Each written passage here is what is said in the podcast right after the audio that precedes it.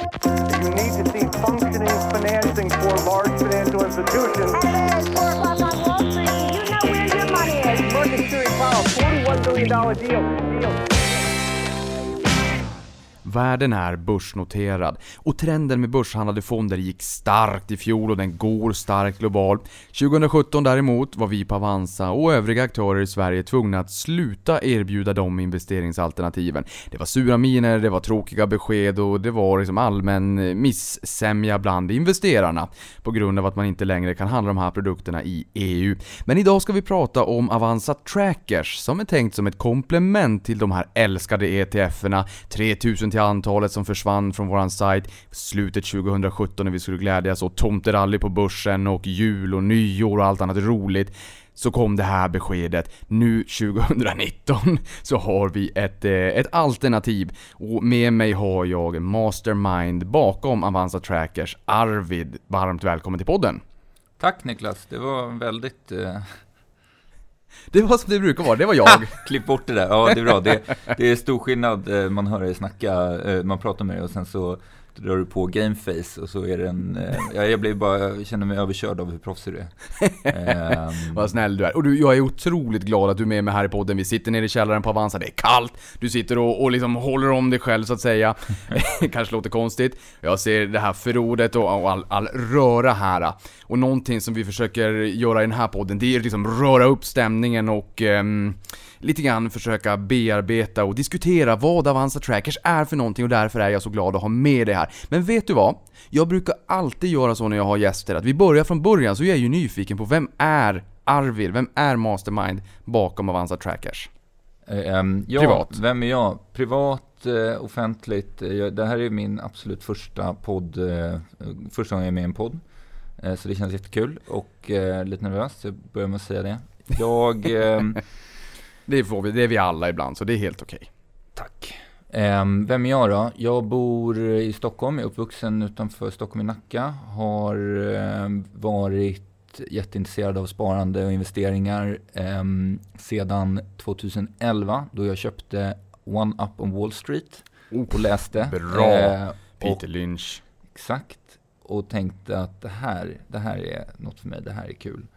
Uh, sen så läste jag ekonomi på Stockholms universitet eh, och satt och tänkte så här, fan jag vill ju, får man svära? Ja, man får svära. Okay, det här är inte public service. jag tar en femma för varje svordom. Ja, jag behöver bra. ju liksom, behöver få in pengar i portföljen. Det är bra jobbat kassaflöde. Eh, jo, det jag skulle säga var att, eh, lång historia kort. Jag eh, läste en kursredovisning och så tänkte jag det vore så himla kul att jobba med det jag eh, pluggar. Så jag skrev ett mejl till vår Claes Hemberg, eh, frågade om han behövde en praktikant. Det ena ledde till det andra. Jag eh, jobbade extra på Avanzas kundsupport, det var 2013. Och sen så har jag haft lite olika roller, men nu landat i en superrolig roll som är produktspecialist för våra börshandlade, eh, vårt börshandlade utbud, ska man säga. Eh, så främst är det ju de börshandlade certifikaten och varianterna som handlas mycket. Men eh, sen har jag också varit inne på ehm, ja, ETF-utbudet, det vi har, det som blev kraftigt förminskat. Ehm, börshandlade alternativa investeringsfonder, eh, gammelstrukt som man kallar eh, och så vidare. Så det är jag som eh, mycket, det är väldigt regelverkstyngd roll i och med att Mifid 2 och PRIP-regelverken eh, träffade just de här komplexa produkterna och ställer, träffade, de träffade alla finansiella produkter men ställer väldigt höga krav på distributionen av just komplexa produkter. Och då är det mitt jobb att se till så att vi har det vi behöver för att kunna eh, erbjuda handel i dem. Nu ska inte jag fråga dig vad du tycker om regelverken, men någonstans i grunden så är de ju faktiskt eh, där och finns till för att skydda slutkonsumenten i slutändan. Ehm, men det kanske har gjort ditt jobb lite mer komplext och kanske har legat som en, en liten våt filt för att man inte riktigt kanske kan få ut precis det man vill få ut där ute i geten utan det finns mera, det finns mer saker att tänka på i en allt mer komplex regulatorisk värld. Men, men det jag är lite nyfiken på, det är hur kände du där i slutet på 2017 när vi var tvungna att trycka på knappen och fasa ut alternativet att köpa amerikanska ETFer? Um, jag vill bara börja med att säga att jag tycker ju regelverken är jätte jättebra. Tanken med regelverken bra, är ja. jättebra. Mm. Det är kundskydd, det är högre krav på distributionen, att tillhandahålla data, att se till så att inte dåliga produkter når investerare. Ehm, men ehm, Everything before but is bullshit. dock, Vi- ska bara, vi ska bara lägga in en disclaimer att vi skojar bara. Det blir lite humor. Så det är liksom mera på skoj.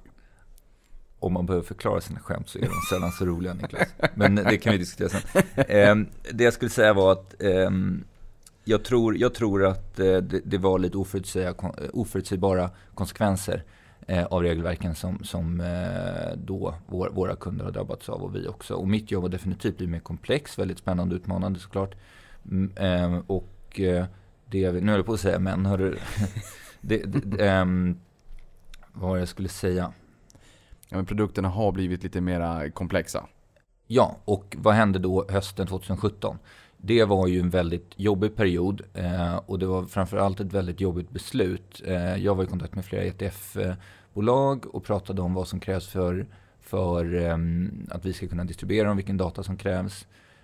Um, de ETFerna vi, vi hade möjlighet att tillhandahålla då var ju de som är noterade i Nordamerika.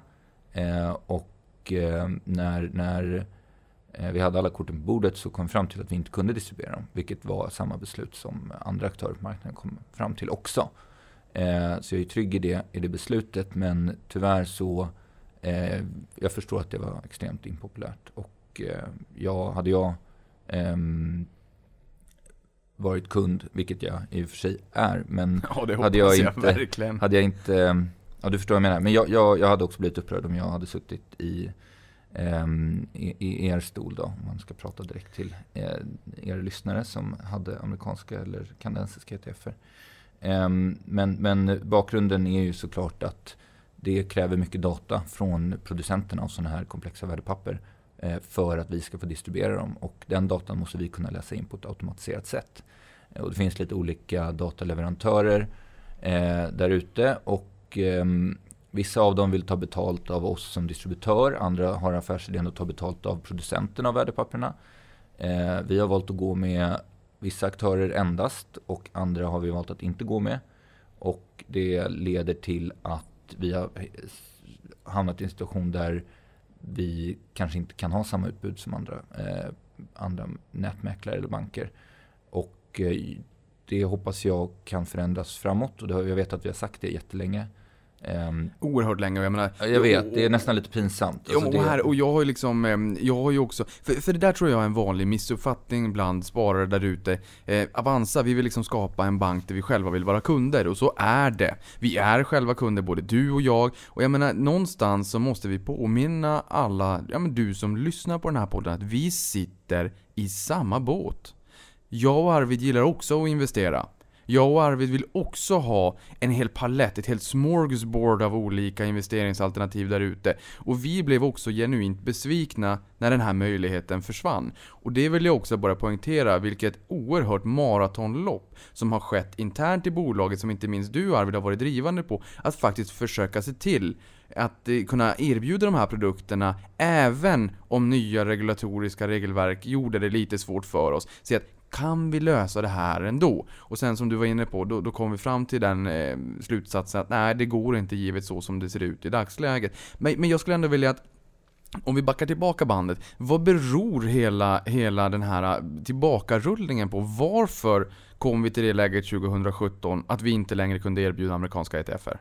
Jättebra fråga Niklas. Um, och jag skulle ju kunna prata om det här ganska länge. För att som du konstaterade tidigare, det är, ett ganska kom, det är en komplex situation. Vi har, vi har funnit oss själva i när det kommer till att distribuera värdepapper. Man kan säga innan Mifid 2, eh, när det bara var Mifid 1 då, eh, då, då hade vi som distributör möjlighet att läsa in eh, börslister och erbjuda de värdepapper då som, som fanns där. Ehm, och vi var tvungna att såklart passande pröva våra kunder så att vi såg till att den kund som köpte ett visst värdepapper har rätt kunskap och förstår risker och så vidare. Efter Mifid 2 så infördes någonting som kallas för produktstyrning som är en ehm, i grunden, precis som jag sa tidigare, en väldigt bra, eh, ett bra eh, ramverk för eh, ansvarstagande hos distributörer och producenter. Och det, det, ställer högre krav på både producenter och distributörer eh, när man, när man eh, skapar värdepapper som är till för icke-professionella investerare, alltså retail. Man skulle kunna slänga sig med olika uttryck.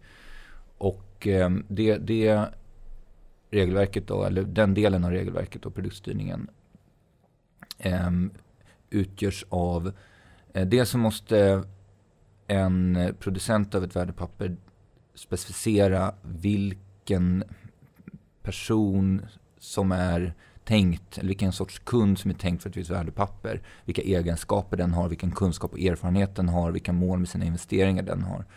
Eh, och, och specificera det här så att eh, man kan säga att de skapar sig en målmarknad. Eh, och vi som distributör då, vi ska ju titta på producentens målmarknad och ska vi titta på våra kunder och så ska vi säga att eh, okej, okay, här ehm, eh, den här målmarknaden, den kan vi se hos våra kunder. För nu har vi delat in våra kunder i olika kategorier och eh, de är intresserade av det här eh, värdepappret, tror vi. Och det är ena grejen. Och sen så är det ju hela kostnadsdata som jag är säker att alla är med eh, på vad jag menar. Att vi måste visa, och man kan framförallt se eh, kostnader i produkter och fonder och allting mycket bättre. Och det är såklart toppen att man kan se i slutet på året vad har jag faktiskt betalt, hur mycket har gått till mäklaren. Um, det är jättebra, um, men, men, det ställer väldigt hög, höga krav på um, data, dataleverans. Och jag menar, vi har 50 000 börshandlade instrument varav om 5 000 3 5 000, har inte exakt siffra, beror på vilka man räknar med, är produkter som kräver den här sortens um, data. Då. Och den, uppdateras, den ska uppdateras varje dag. Och ni har ju själva, det blir snabbt väldigt mycket information som ska skickas på ett strukturerat sätt. Eh, och, och, då handlar det ju om att liksom få tag på den informationen eh, på ett sätt som är skalbart för oss. Eh, och för att lägga till ytterligare lager komplexitet så vid varje order så måste vi skicka, jag tror att det är 28 fält av information till börsen eh, som då ska validera den här informationen. Det är ju enorma mängder data som skickas fram och tillbaka. Och för amerikanska ETFer eh, så behöver, om en amerikansk ETF har en europeisk aktie som underliggande eller en europeisk tillgång så behöver det eh, anmälas i den här rapporteringen. Eh, och vi som distributör behöver veta vad amerikanska ETFer har för underliggande. Och för oss att hålla koll på det från dag till dag är, alltså det är klart att allting går men frågan är vad det skulle kosta oss och i slutändan vad vi skulle behöva ta betalt av kunden. Och då har vi valt att skapa eh, andra möjligheter att nå de här eh, underliggande tillgångarna som jag personligen är övertygad om eh, är, jag vill inte säga bättre, men billigare. Eh, och på vissa sätt bättre. Men vad som är bra och vad som inte är bra, det är upp till var och en att avgöra i Um, ja, i sin roll som privatinvesterare. Måste jag. Ja, och här inser man ju då att det, det låter ju väldigt komplext att försöka vara eh, compliant med de harmoniserade reglerna som gäller inom EU just nu för oss retail-investerare helt enkelt. Och därför har vi ju också släppt Avanza Trackers. Och, eh, och, vi har ju lovat att komma med någon form av alternativ. Det här är ju kanske inte ett substitut utan mer ett alternativ och jag tror att vi också kommer komma med mer typer av produkter så att det här inte är slutet utan snarare början på ett ytterligare välfyllt smörgåsbord på en riktigt, riktigt stor julfest för er investerare där ute. Men Avanza Trackers, det kanske låter lite läskigt också. Jag ska gå till min svärmor och säga du Avanza Trackers. Då kanske hon blir lite, lite rädd. Ehm, så att det ska vi bena ut lite grann och sen så, vi börjar liksom, vad är Avanza Trackers för någonting egentligen? Ja, eh, jättekul att kunna vara prata om det här projektet som jag jobbat med ganska länge. Och det är ju... Du var betydligt yngre när du började med det här projektet. ja, ja, jo det, det är man väl. Man är väl alltid yngre. Igår än idag. ja, precis. Jag försökte säga någonting fyndigt där, men det gick du kom för. Um, ja, nej men jag, absolut. Jag har jobbat med det jättelänge och det finns, jag kan gå in på varför det har dröjt och varför det har tagit längre tid jag tänkte. supersnabbt, Men jag ska inte göra det. supersnabbt. Ja. För, för att de som har varit lite frustrerade och känner så här, Avanza, kom igen nu, kom igen. Vi vill ha de här produkterna, det finns ju en efterfrågan. Leverera ett utbud. Och jag har också, eh, ja, vi alla, men även jag har sagt snart, snart, snart. Jag äter upp min vänstersko om det inte kommer före utgången på Q1. Ehm, tekniskt sett så fanns de redan på sajten Q1, så därför behöver jag inte äta upp en sko. Men, men till, ut mot kund och kommunicerat så kom det ju i början på Q2. Kort bara, varför har det tagit så länge? Det har tagit länge för vi har gjort någonting som inte finns i eh, Sverige. Ehm, så att det har tagit lång tid för relevanta myndigheter att godkänna det för att det har varit ett nytt koncept. Det har tagit lång tid för eh, börsen att godkänna det för att det har varit ett helt nytt koncept. Och eh, jag ser det som eh, någonting positivt att det här faktiskt har genomlyst och tittat på ordentligt för att sen bli, bli godkänt. Eh, och jag hoppas och tror att det här är produkter som kan bli väldigt populära. Eh, såklart för att jag har jobbat med det men också för att jag genuint tror att det är riktigt bra produkter. Och eh, genuint, tror, genuint tycker att det är riktigt bra produkter. Och precis som du sa Niklas så mm, jag vill ju att Avanza ska vara en bank som jag själv vill vara kund i. Och eh, med det sagt så vill jag ju ha ett brett utbud. Så att det här är inte ett substitut och vi kommer absolut inte ta bort ETF-listorna eller göra ETFer osökbara för att tvinga in kunderna i någonting nytt. Utan det här är ett komplement och det här är eh, ett alternativ. Ehm, man kan säga att det vi har skapat eh, tillsammans med vår partner då Morgan Stanley som hjälper oss att emittera börshandlade produkter med hävstång under namnet Avanza Markets. Eh, det, det de har skapat är en plattform från vilken man kan emittera ett stort antal produkter till väldigt låg kostnad. Ehm, och de här, en, en, vi, vi kallar dem trackers. Ehm, det, man kan också kalla dem för eh, kollateraliserade Delta 1-certifikat emitterade ur en SPV. Eh, det namnet har ju inte riktigt samma eh, hur ska man säga, marknadsföringspotential. Ehm, men det finns ju information om exakt hur de är uppbyggda i alla prospekt och så. så att det, kan man, det kan man ju eh, grotta ner sig i. Men jag ska försöka dra, dra ehm, de, st- de stora, de viktiga egenskaperna och känna till lite grann. Ja, och just det där med kollateraliserad, att det finns ett kollateral och delta 1, liksom att det är en 1 till 1 produkt. Kan du bara Ja, liksom kan- förklara själva namnet där som vi inte använder oss av? Exakt. Eh, och kollateral är ju säkerhetsmassa. Eh, så när du tar ett bolån så är ju huset ditt kollateral. Eh, och det, det, vi, det vi vill göra är ju att vi vill ju skapa produkter som är efterliknade vissa av de egenskaperna som är bra med fonder. Det betyder, och, och det är ju att du har ingen Eh, kreditrisk mot en emittent. Så när du köper ett certifikat som är emitterat ur en bank, då om banken går i konkurs så är det inte säkert att du kan få ut dina pengar. En högst relevant eh, fråga under finanskrisen 2008 där man var oerhört orolig för, för vilken emittentrisk som fanns på vilka produkter och huruvida de satt på Svarte Petter eller inte. Så att det är ju något som har varit på tapeten. Mer kanske under finanskrisens dagar än idag, men, men det sitter kvar i ryggraden och det är ju självfallet en, en reell risk som man ska ta med i beaktning. Absolut är det så. Absolut är det jätteviktigt att hela tiden tänka på sin exponering och, och vad man har risk mot. Och, jag menar, har du jättemycket kontanter så vill du inte ha allting på samma bank för att då omfattas du inte av insättningsgarantin. Så att det där är ju en viktig eh, aspekt. Och eh, det, det som Avanza Trackers är, är de är emitterade ur en så kallad Special Purpose Vehicle som är en stiftelse som inte har någon annan verksamhet än att eh, hålla eh, kollateral eh, och emittera de här produkterna. Ehm, de kontrolleras inte utav Morgan Stanley på något sätt så att du har ingen kreditrisk mot Morgan Stanley eh, förutom under en dag för att den här kollateralet uppdateras på daglig basis. Eh, och det betyder i princip att emittenten som heter Alphabeta, eh, när du köper en tracker för 100 kronor så skick, köper du den av Morgan Stanley som är market maker. Morgan Stanley skickar in de pengarna till Alphabeta som sätter dem på ett så kallat ringfensat konto. Ehm, och där investeras de i ehm, en bred eh, MSCI portfölj till exempel, eller råvaror, eller hålls i cash, eller i obligationer. Ehm, de, de hålls där tills du väljer att sälja eh, och då får du tillbaka pengarna.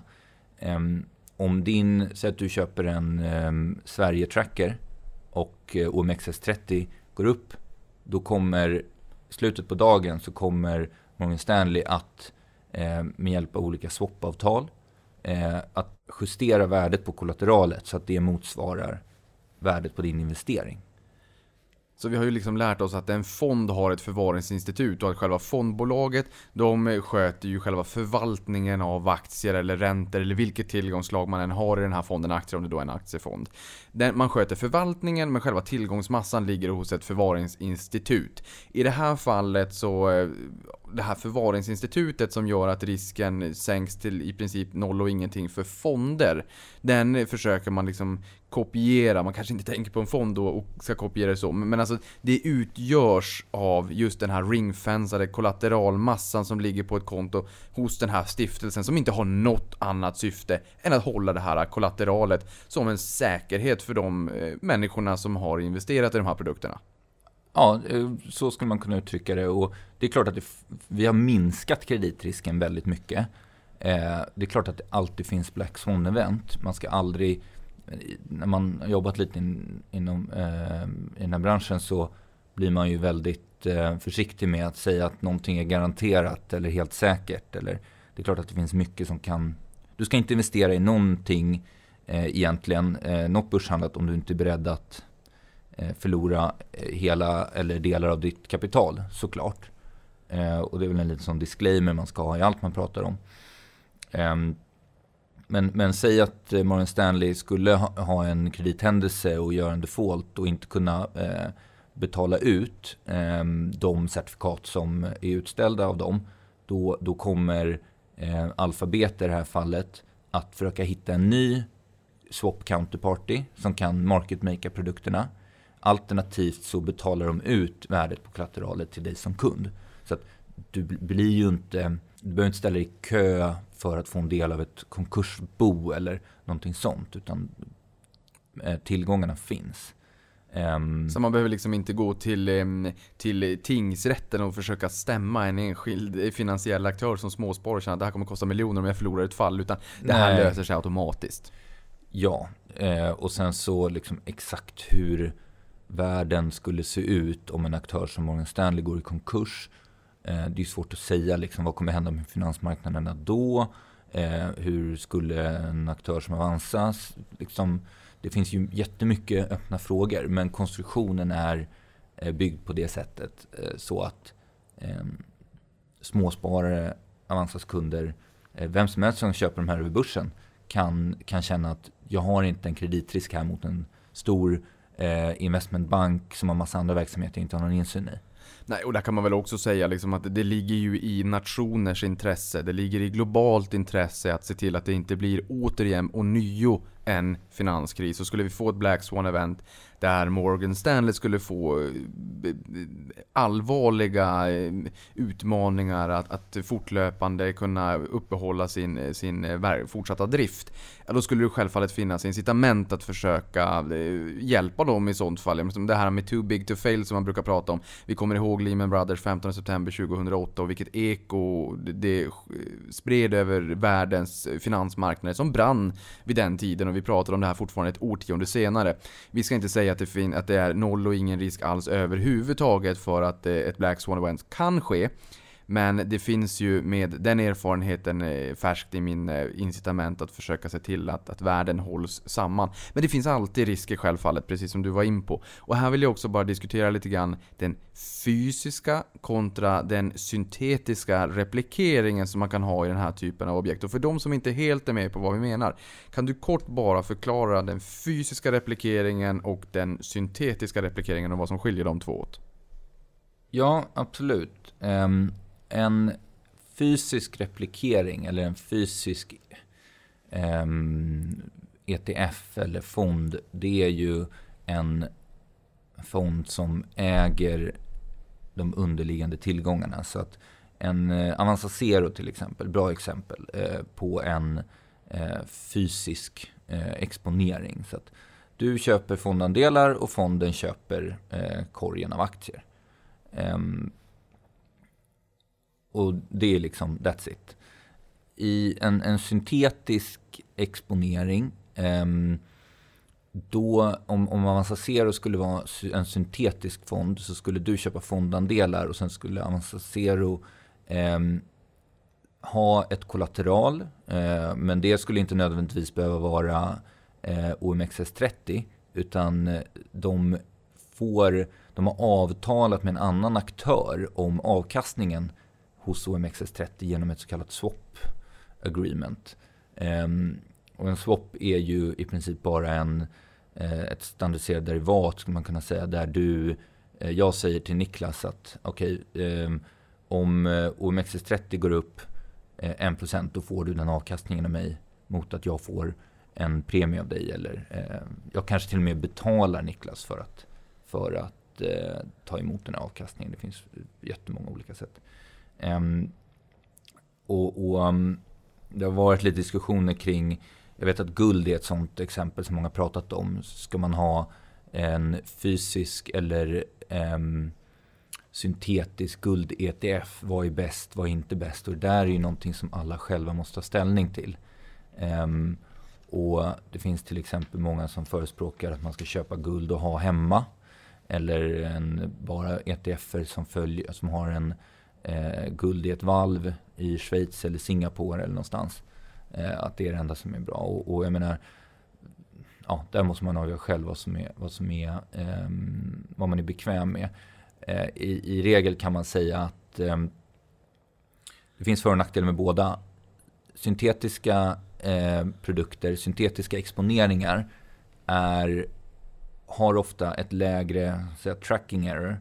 De följer den underliggande bättre eh, om den underliggande är ett, säg en frontier market eller ett väldigt nischat index och det kanske inte är den bästa likviditeten på den underliggande marknaden eller eh, det kan vara så att det är dyrt att, att handla eh, på den underliggande marknaden så att man gör en ehm, ja, du, det finns Ryssland massa eller Afrika. Ja, exakt. Det finns massa exempel.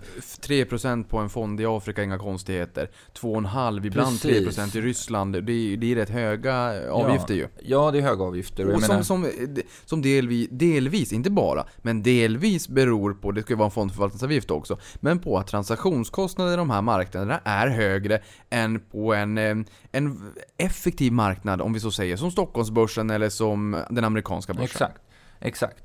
Och jag menar, tittar man på så här breda index, S&P 500. ehm, 500 största börsbolagen är i USA Ja. och det är världens största kapitalmarknad. Super, superlikvid och jag menar transaktionskostnaden där för en stor fond är ju i princip ingenting.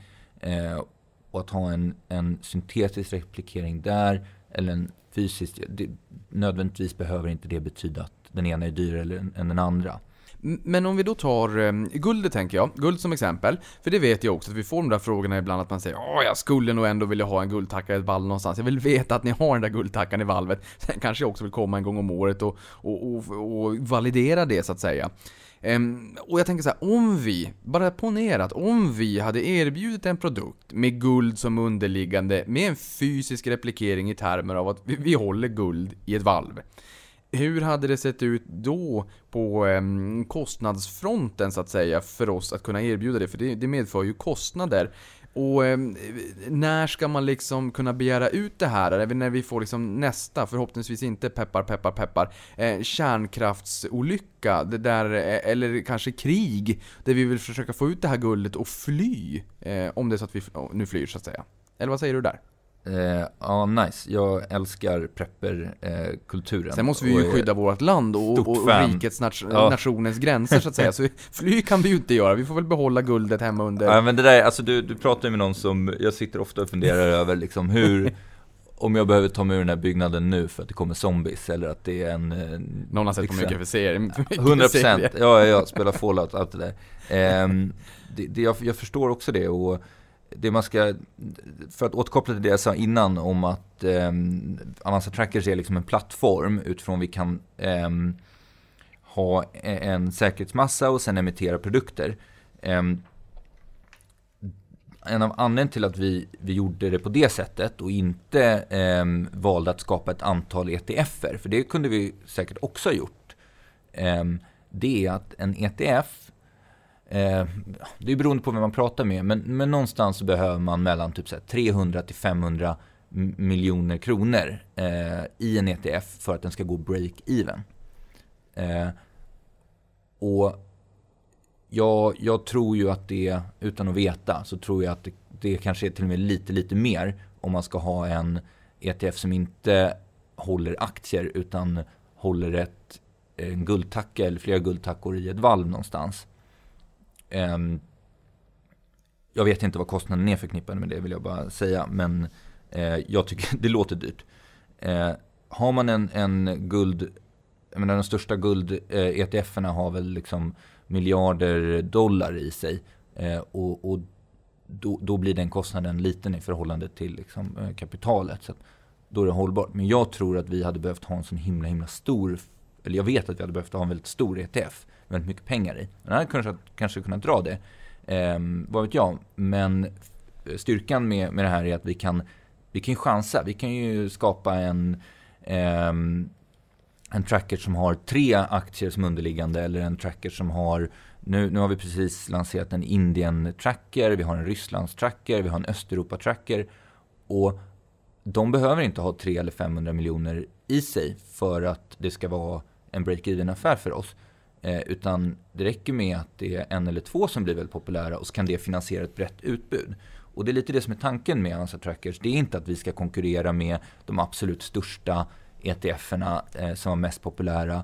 Eh, utan det är att vi ska kunna ge våra kunder möjlighet att investera i svåråtkomliga eh, tillgångar och svåråtkomliga länder, marknader, teman. Jag menar, jag, när jag satt och tittade 2017 på vilka ETFer som var populärast hos oss.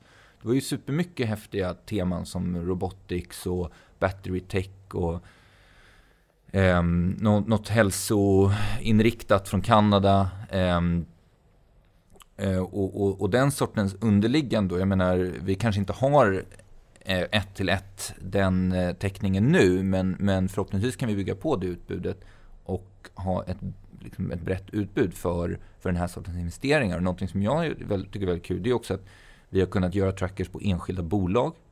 Eh, alltså det finns ju ingen ETF som har ett bolag som underliggande.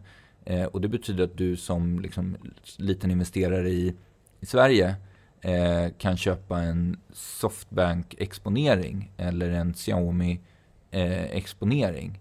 Eh, ehm, och en, en till grej som, är, eh, som jag tycker är grymt, det är ju att vi, det här är ett sätt också att nå den sortens exponeringar utan att betala valutaväxlingsavgift som vi har fått ganska mycket kritik för. Eh, och courtagefritt om man handlar över 1000 kronor. Um, Istället för att man betalar 749 kronor i minimikortage som man ringer till mäkleriet och säger Tjena tjena, jag vill handla Tencent i Kina. Den har ni inte digitaliserat på sajten, jag vill handla den ändå. Och då Exakt. blir det 749 kronor. Det är pengar. Det är Exakt. vad jag lägger i kortage på ett helt år. Och jag köper ändå ganska mycket aktier. Eh, så det är klart att det där är ju pengar, allt är relativt. Men jag har ju ingen lust att betala 749 kronor i minimikortage. Eh, kalla mig snål. Men så är det. Ja, nej men jag håller med. Och, och det är liksom det vi, eller ja, det är ju det som är tanken. Det är det. Man ska kunna få en, en bred exponering. Eh, man ska kunna vara trygg med att det inte är någon eh, stor kreditrisk mot, mot någon eh, investmentbank. Och att du ska kunna förstå vad det är. Ehm, och det är därför vi har döpt dem till eh, AVA Indien. Ehm, det är för att du ska veta eh, att okej, okay, det här är en tracker som följer Indien. Eller en tracker som följer ehm, Storbritannien. Ja, men just det här för att göra det lite enklare för exempelvis min svärmor då, just det här med Avanza Trackers, att AVA Indien eller AVA UK eller AVA Tyskland eller AVA USA eller vad det kan tänkas vara. Just för att det ska bli ganska enkelt och ganska intuitivt. För den här typen av produkter, så fort det står Avanza Trackers, då kommer någon backa tillbaka och känna oh, det där låter lite, lite, lite avancerat, det där kanske inte är för mig. Det räcker med att titta på aktier i Sverige så tycker man att man behöver både kapital och kunskap för att överhuvudtaget ens handla sin första aktie, vilket är precis tvärtom hur det faktiskt är. Eh, men jag tycker att vi har ju faktiskt sett till att erbjuda en, en väldigt fin palett, ett bra smörgåsbord redan från start. Även om jag gillar det faktum, precis som du säger, att det här bara är starten och att det här utbudet ska växa. Och det är inte bara Avanza Trackers, utan det kommer också växa med nya alternativ, nya former av investeringar framåt. För Avanza är ett organiskt play på nya, mer eh, spännande möjligheter att investera i. Det är inte bara Avanza Trackers, utan det ska ju vara allt liksom. Det ska vara som att gå in på ett ICA Maxi. Men vi har ju exponeringen som eh, global, Kina, emerging markets, Ryssland, USA, Europa, Japan, UK, Tyskland. Och jag menar, det här är ju inga, liksom, det är inga jätte jättepikanta prislappar heller. För Tyskland är 15 punkter. Det här är i och för sig en marknad som är väldigt genomlyst, transparent, det är billigt att göra affärer. UK, eh, 15 punkter, alltså 0,15%. Japan, då börjar vi komma upp i fonder som brukar kunna vara lite dyrare. Eh, här ligger vi på 15 punkter, 0,15%. Europa, 0,25, USA 0,15, Ryssland, där brukar vi ofta se 2% kanske i fonder, där ligger vi på 0,59. Tillväxtmarknaden 0,50, Kina 0,49. Så det är ändå inga, det är inga jätteprislappar. Man ska också veta att det är ju indexexponering så att säga, så man försöker inte slå det underliggande indexet. Men för vissa kanske det är bättre att få den underliggande exponeringen än att betala 3-4 gånger mer kanske för att någon ska försöka hitta guldkornen. Det där får man ju välja själv. Men Sen pratar du ju om enskilda aktier också, och det här gillar ju jag. Det är för att världen är börsnoterad. Det finns runt 70 000 aktier globalt. Det är väldigt många av dem som inte finns i vårt univers av de marknader vi har digitaliserad handel på sajten via. Och då är det 749 kronor i minimikortage. Och vi vet att våra kunder har velat få exponering mot spännande bolag. Och där har vi Tencent, 0,3%. Nintendo 0,3%. Softbank 0,3%. Samsung 0,3%.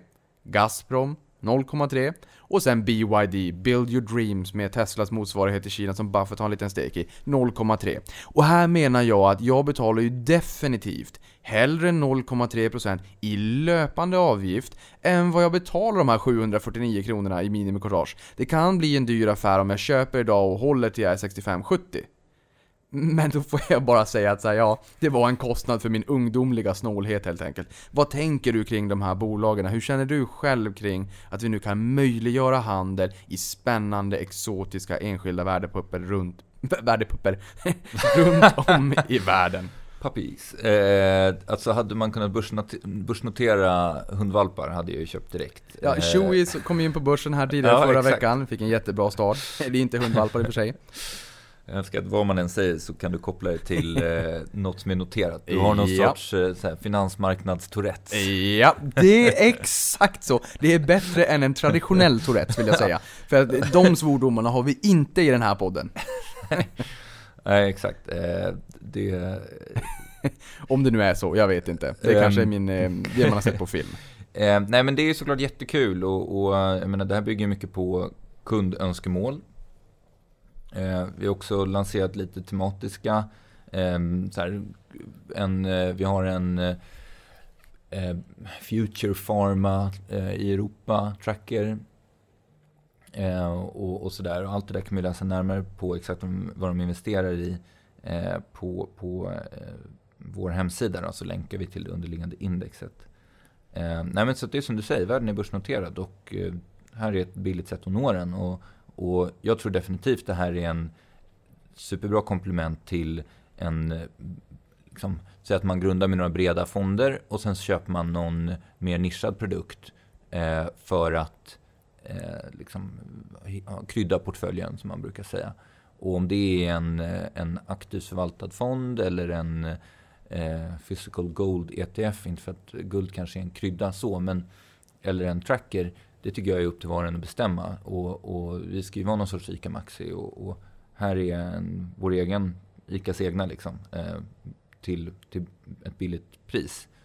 Um... Och vill du ha groggvirket, jag menar vi har nästan 1400 fonder, där har du jättemycket groggvirke. Och sen så finns det ju en hel palett av olika, mera eh, starka alternativ att spetsa den här groggen med.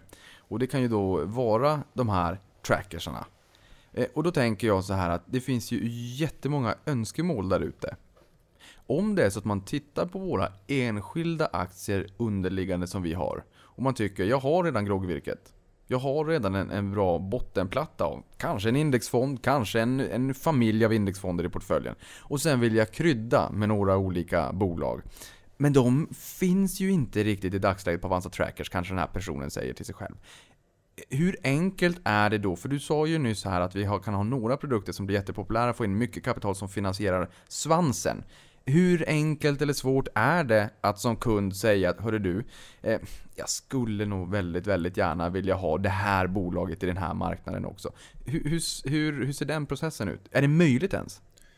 Eh, det är absolut möjligt eh, med reservation på vad, vad det är för sorts underliggande tillgång. Men någon vill ha Naspers. Det var på Twitter här bara för någon dag sedan. Naspers, kan kan ni ordna Naspers åt mig? Ja, jag vet att de är listade i UK också, men hur, hur löser vi det? Ja, men då, då hör vi av oss till, till um, emittenten och uh, undersöker, man behöver undersöka vissa grejer när man gör en, en uh, börshandlad produkt. Uh, och det är ju att du vill ju ha en, en likviditet i underliggande som är tillräckligt hög för att kunna ställa, så att emittenten, eller marketmakern i det här fallet då, ställer eh, tillräckligt bra size eh, i orderboken så att kunder kan, kan handla. Eh, så det tittar man på. Eh, och om det är så att det går, eh, att allt ser bra ut och, och mm, market säger att men där kan vi ställa priser i. Ehm, då tror jag att vi har en eh, eh, time to market som är en till två veckor beroende på underliggande lite grann. Eh, är det ett, eh, ett, eh, ett, ett, tema som vi inte har då kanske vi måste uppdra en index, eh, indexfirma att, eh, att göra ett, ett nytt index. Eh, och det kan vi göra men då tar det några dagar till. Så att förhoppningsvis skulle man kunna, om man kunde komma med ett önskemål och det är någonting som vi tror har fler är intresserade av. Så, ja men säg en två veckor det låter väldigt bra. Ja men det är kul. Det känns som en, eh, alltså förhoppningsvis kan man då vara snabb på ehm, eh, att fånga upp liksom de senaste trenderna eller vad det nu är.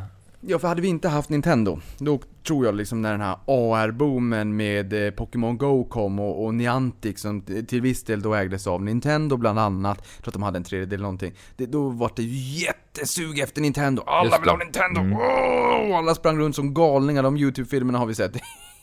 helt galet. När parkerna flockas av människor. Men hade du sett det jättesnabbt så kanske du trodde att det var zombies som sprang där, men det var bara Pokémon-jägare.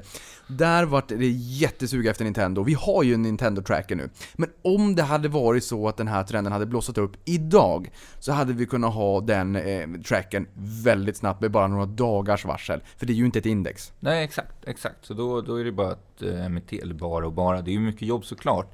Eh, men, men att det ska emitteras. Ehm. Ja men det är bra.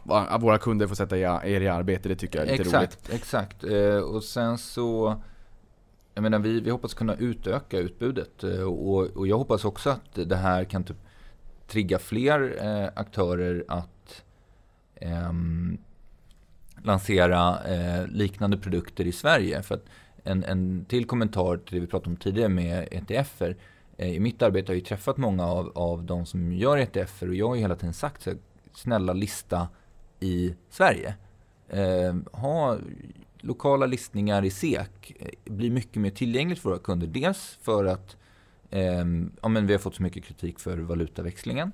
Eh, dels för att det kan vara många ETFer har konstiga namn så man har svårt att förstå exakt vad det är.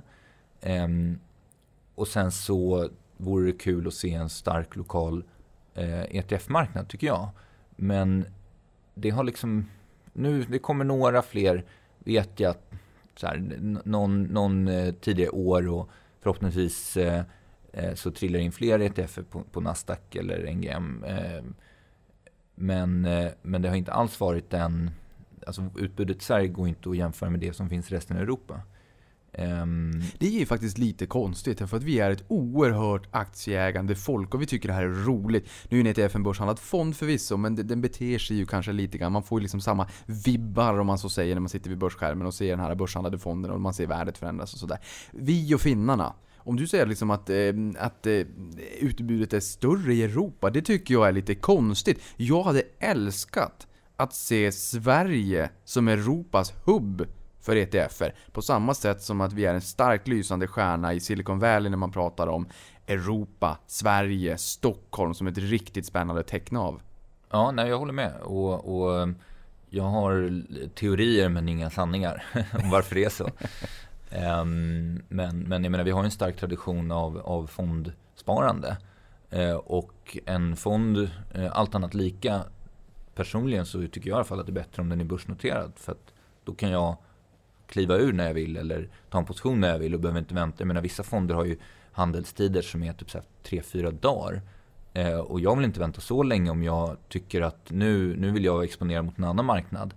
Eh, och då är ju en ETF eller eh, något liknande mycket mer flexibelt. Mm, jag ska påminna här om också att du har månadsregel och att det är buy and hold som gäller. Det man ska inte hålla på och hoppa för mycket. Men jag förstår vad du menar. Jag skämtar bara med det. Men eh, någonting annat som vi har sagt, det är ju att vi ska komma med eh, råvaror som underliggande. Det står en splash, kommer snart. Vad 17 betyder kommer snart? När kommer vi med råvaror som underliggande? Det är en jättebra fråga. Eh, jag har inget eh, exakt datum hade jag kunnat säga så skulle jag göra det. Eh, men det enda jag kan säga är att vi jobbar på det. Kan vi jobba hårdare? Eh, vi kan tyvärr inte jobba så mycket hårdare. Däremot så kan våra vänner i, i London som, som eh, sitter och jobbar med, med de här prospekten. För att det är basprospektet som måste uppdateras och det måste liksom bli godkänt för råvaror.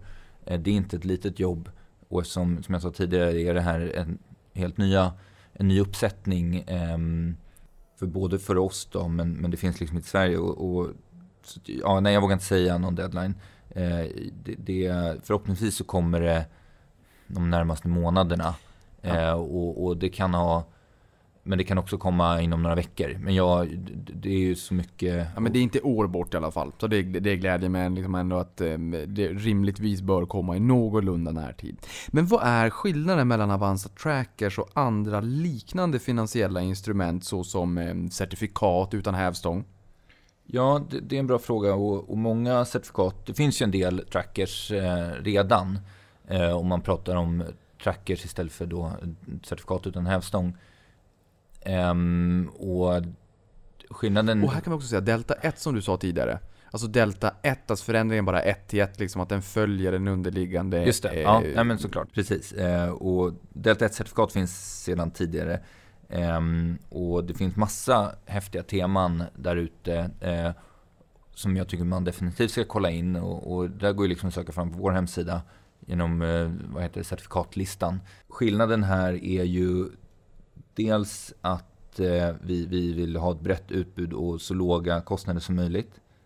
Eh, att vi, man, våra kunder då kan köpa de här courtagefritt över 1000 kronor. Eh, men den största skillnaden är ju den kraftigt reducerade kreditrisken i och med kollateraliseringen, alltså den säkerhetsmassan. Eh, så att riskerna med de här produkterna eh, är ju en marknadsrisk, att du helt enkelt har fel i din marknadstro. Du investerar i något som går ner i värde. Eh, du har en eh, valutarisk, i det fallet den underliggande tillgången handlas i en annan valuta. Till exempel eh, om du köper ett certifikat på en eh, S&P 500 då är det noterat i dollar och ja, alla har ju följt svenska kronans eh, tragiska öde. Um, Ner och det 50% påverkar, de senaste fem åren.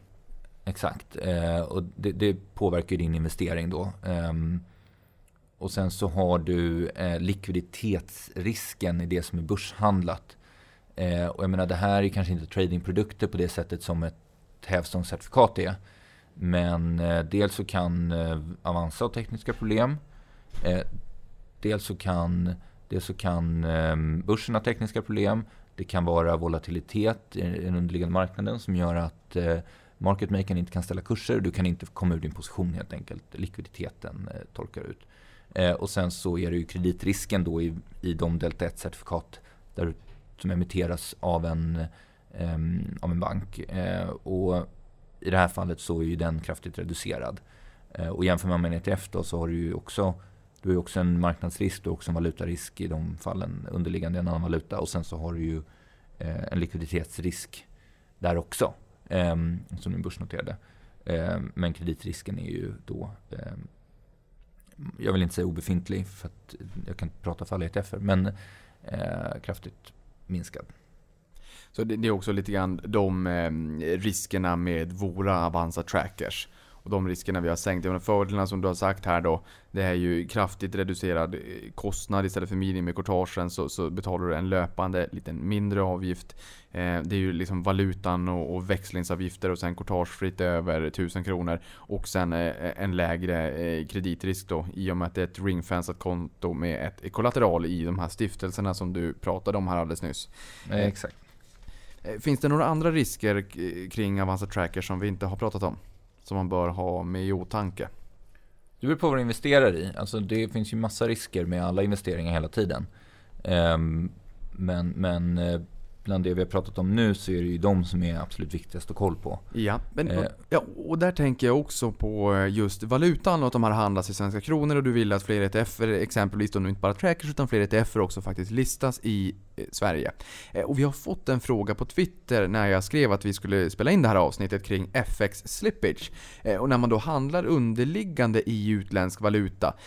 Kan du utveckla liksom bara själva termen lite grann och har man något slippage eller går hela investeringen när man köper i svenska kronor, går du in på det här ringfensade kontot i kollateralet eller vad händer där? Alltså, finns det någon valutarisk från att jag trycker på köp i SEK och att det blir en, en ökad exponering i dollar exempelvis eh, i slutändan så att säga, den underliggande exponeringen? Um, ja, alltså slippage, slippage, jag vet inte ens om det finns ett svenskt ord som är slip, slippage. Slippage, Um, det är ju att, eh, säg att jag vill köpa någonting för 10 kronor och sen så lyckas jag bli eh, gjord på 9 kronor. Ehm, eller 11 kronor, ännu värre. Så att jag har en negativ slipage då. Eh, och, och ehm, det här är ju en risk när du handlar i volatila marknader eller du tar en stor position. Eh, och det finns säkert folk som kan förklara exakt vad slippage är bättre än jag. Men i, i regel kan man ju, som jag förstår frågan, ehm, så, så svarar jag att eh, i en syntetisk produkt så är det ju avtalat ehm, i det här swap, swap-avtalet, swap-avtalet, eh, swap-avtalet vad, ehm, vad du ska bli levererad för avkastning. Ehm, och i Avanza Tracker så, så är ju valutakursen du får är ju spotpriset från Reuters, vilket är liksom betraktas som institutionella eh, valutakursen. Eh, så att eftersom emittenten inte sitter och köper i en Sverige-tracket så köper de inte, om du har ingen FX, det var ett jättedumt exempel som du inte har någon FX, men i en S&P eh, tracker så, så köper ju inte emittenten Apple-aktier.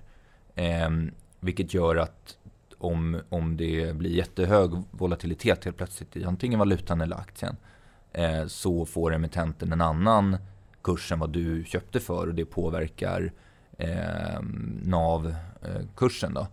Eh, här så är det ju ett avtal som säger att eh, den här valutakursen ska du få vid det här givna tillfället. När du trycker på köp. Ja, det är ju den kursen som visas av Market Making Orderboken. Så inget slippage helt enkelt, eller slippage. Slippage, ja.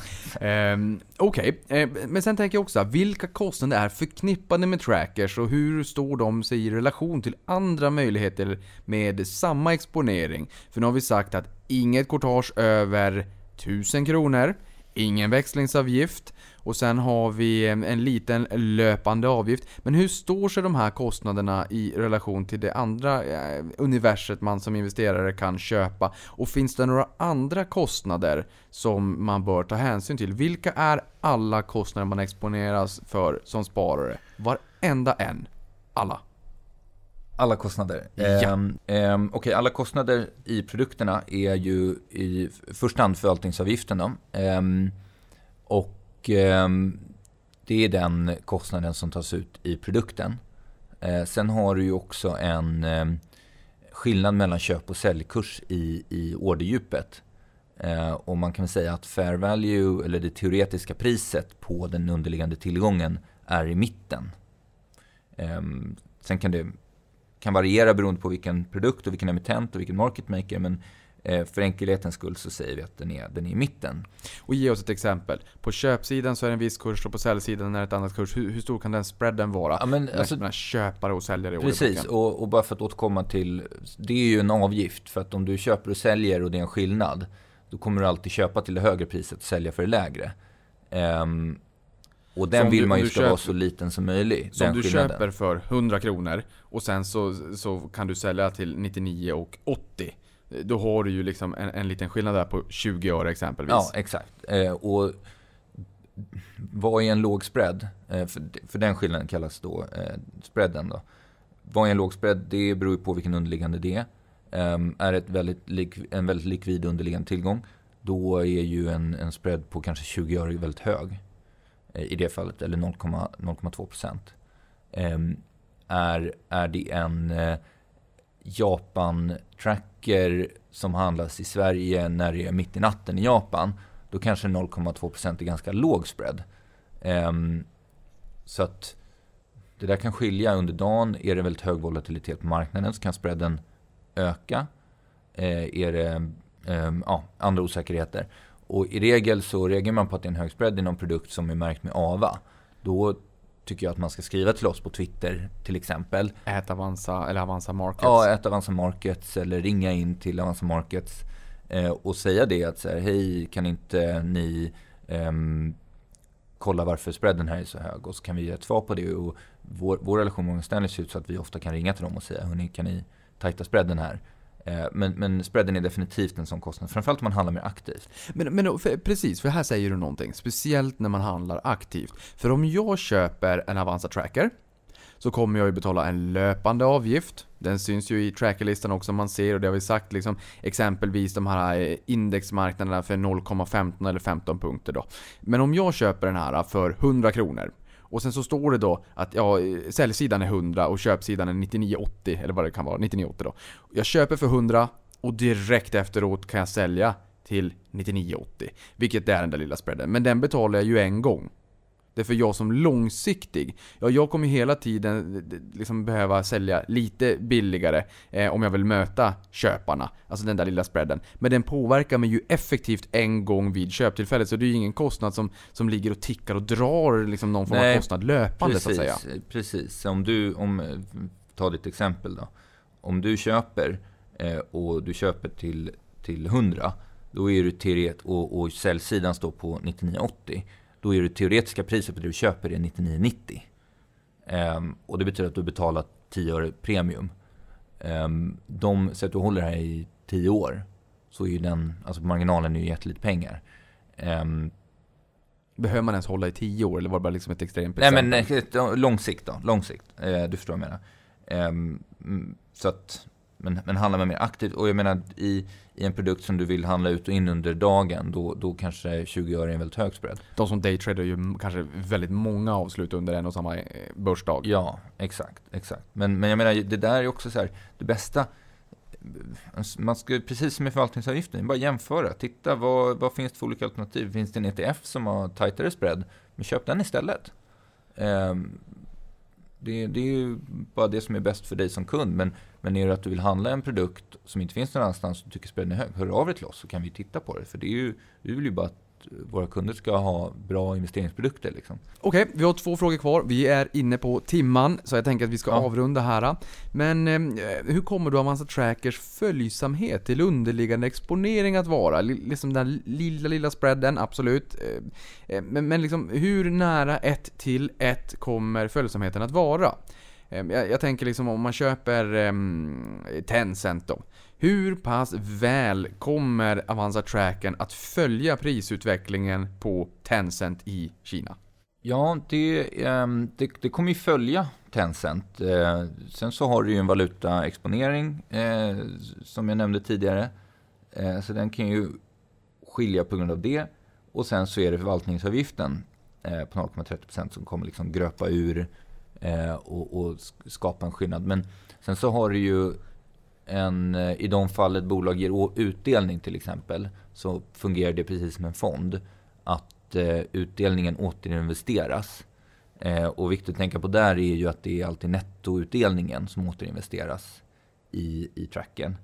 Ehm, och i sådana här techbolag kanske inte det är så aktuellt eftersom de inte har någon utdelning. Eh, men säg en Sverige, Sverige Tracker eller S&P Tracker eller Emerging Markets Tracker eller vad det nu är. Eh, där har du ju nettoutdelningen investerat. Så det beror på vilket det underliggande indexet är. Ehm, vi har eh, I, I de flesta fallen så är det ett eh, total net return index som du följer. Och då ska du ju tracka ett till ett. Det är ju det som är hela poängen. Eh, och det är det som eh, prospektet ger dig rätt till också. Eh, det är utvecklingen på det underliggande indexet. Så jag menar, där är ju också om, om, om eh, man tittar, någon tittar på en tracker och känner så här, nej men det här följer ju inte alls. Jag har ju haft den här ett år nu, den har inte följt. Då ska man ju höra av sig. Det ska man ju nästan klaga på, tycker jag. Jag hade hört av mig. Eh, och så, för jag menar, det som är bra med börsnoterade, börsnoterade mm, värdepapper, det är att det inte är någon vilda västern. Utan den här emittenten, precis som alla andra, måste ju följa börsens regelverk. Eh, och, och, det finns ju ändå en kons ett konsumentskydd. Eh, så att jag vill ändå liksom, trycka på det att är man missnöjd, eh, hör av dig och, och, klaga eller fråga vad det är som står till. Man kan reklamera, man kan... Eh, jag menar, vi, vi, det kan ju vara så att det är en skillnad och det beror på ett tekniskt problem som ingen har upptäckt. Eh, det är väldigt osannolikt, vill jag liksom tillägga. Men tekniska problem har ju hänt.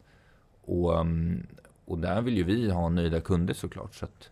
Och just det här med net total return också, att det är totalavkastningsindex på samma sätt som att Avanza Zero följer OMXS30, de 30 mest omsatta bolagen på Stockholmsbörsen, men 630 RX för att få med den återinvesterade utdelningen. Så att det liksom är OMXS30-bolagen, men 630 RX är ju det underliggande indexet vi följer för att få med den återinvesterade utdelningen. Och samma sak som du sa där, net total return. Nettoutdelningen. Ja, efter skatt. Efter skatt, exakt. Eh, och, Den kommer man inte ifrån, jag är ledsen. Nej, eh, och där önskar man ju att eh, emittenten kunde ha ett ISK. Få. men, ja. men så funkar det inte. Utan, utan Eh, det är ju en sån detalj som kan vara bra att känna till. Sist men inte minst, bara ja. för att avsluta och avrunda podden. Vad behöver man göra för att börja handla med trackers? Eh, man behöver ha ett konto på ett värdepapperskonto på någon bank som är börsmedlem eller handlar. Eh, tillåter möjlighet att handla på, på Nasdaq där de är noterade. så att man behöver absolut inte vara Avanza-kund utan det här är börsnoterade instrument. Däremot så får du ju bara courtagefritt om du är kund hos Avanza. Eh, och sen så behöver man ju göra en passande prövning. Eh, och, och eftersom det är komplexa produkter så behöver du svara på lite frågor eh, där du visar att du har förstått riskerna och olika egenskaper. Mm. Det, sista frågan, för jag kom på nu en liten, liten, liten sista. Det är just det här med market making. Tänk om det finns någon likviditetsrisk i själva värdepappret. Att om det är så att likviditeten faller lite grann, eller så kommer market makern att ställa upp köp och säljsida så att man trycker och liksom garanterar och borgar en följsamhet mot den underliggande exponeringen. Så det inte är så att helt plötsligt en dag så finns det knappt något djup överhuvudtaget i tensen. Vilket gör att det kan bli hejkon bacon och vilda västern i prissättningen och inte alls följer den underliggande exponeringen? Eller så att market makern alltid ställer upp volym på köp och säljsidan som liksom taktar upp i takt med att den underliggande tillgången faktiskt stiger i, i, i pris? Um, Eller så, vice versa? Ja men eh, bra fråga. Och, och återkopplat till det jag sa, eh, jag känner upprepar mig. Nej um, det, det, jag sa innan om att det här är noterat på börsen och följer mm. deras regler. Börsen har ju olika, en, eh, olika funktionalitet, ha, har funktionalitet för att eh, säkerställa att det du precis beskrev inte ska ske. Eh, och på, på Nasdaq finns något som heter MMO, Market Maker Order, vilket innebär att om Market Makern tar bort eh, sin bid ask eh, så spärras orderboken helt och våra kunder kan inte handla med varandra. Det blir lite som Emil i Lönneberga. Emil! Och så blir de så Och sen så löser man det. Sen, sen löser man det ja. och så kommer market maker tillbaks med, med eh, förhoppningsvis tillräcklig likviditet. Och, ja. eh, ett fall som du beskriver att eh, market maker skulle sluta ställa priser i en produkt. Eh, anledningen till det kanske är att likviditeten i den underliggande eh, försvinner, att det blir ett handelsstopp eller vad vet jag. Eh, men jag menar, då kan du inte handla i den underliggande heller. Och, och, det man ska tänka på är ju med alla börshandlade produkter att eh, likviditeten i den börshandlade produkten är en funktion av likviditeten i den underliggande tillgången. Mm. Eh, så det är klart att du har en, en, en, risk i, en likviditetsrisk. Det ska man alltid vara medveten om. Men det är en sån sak som emittenten får eh, kolla och, och, vi också. När en kund kommer med ett önskemål så måste man ju titta.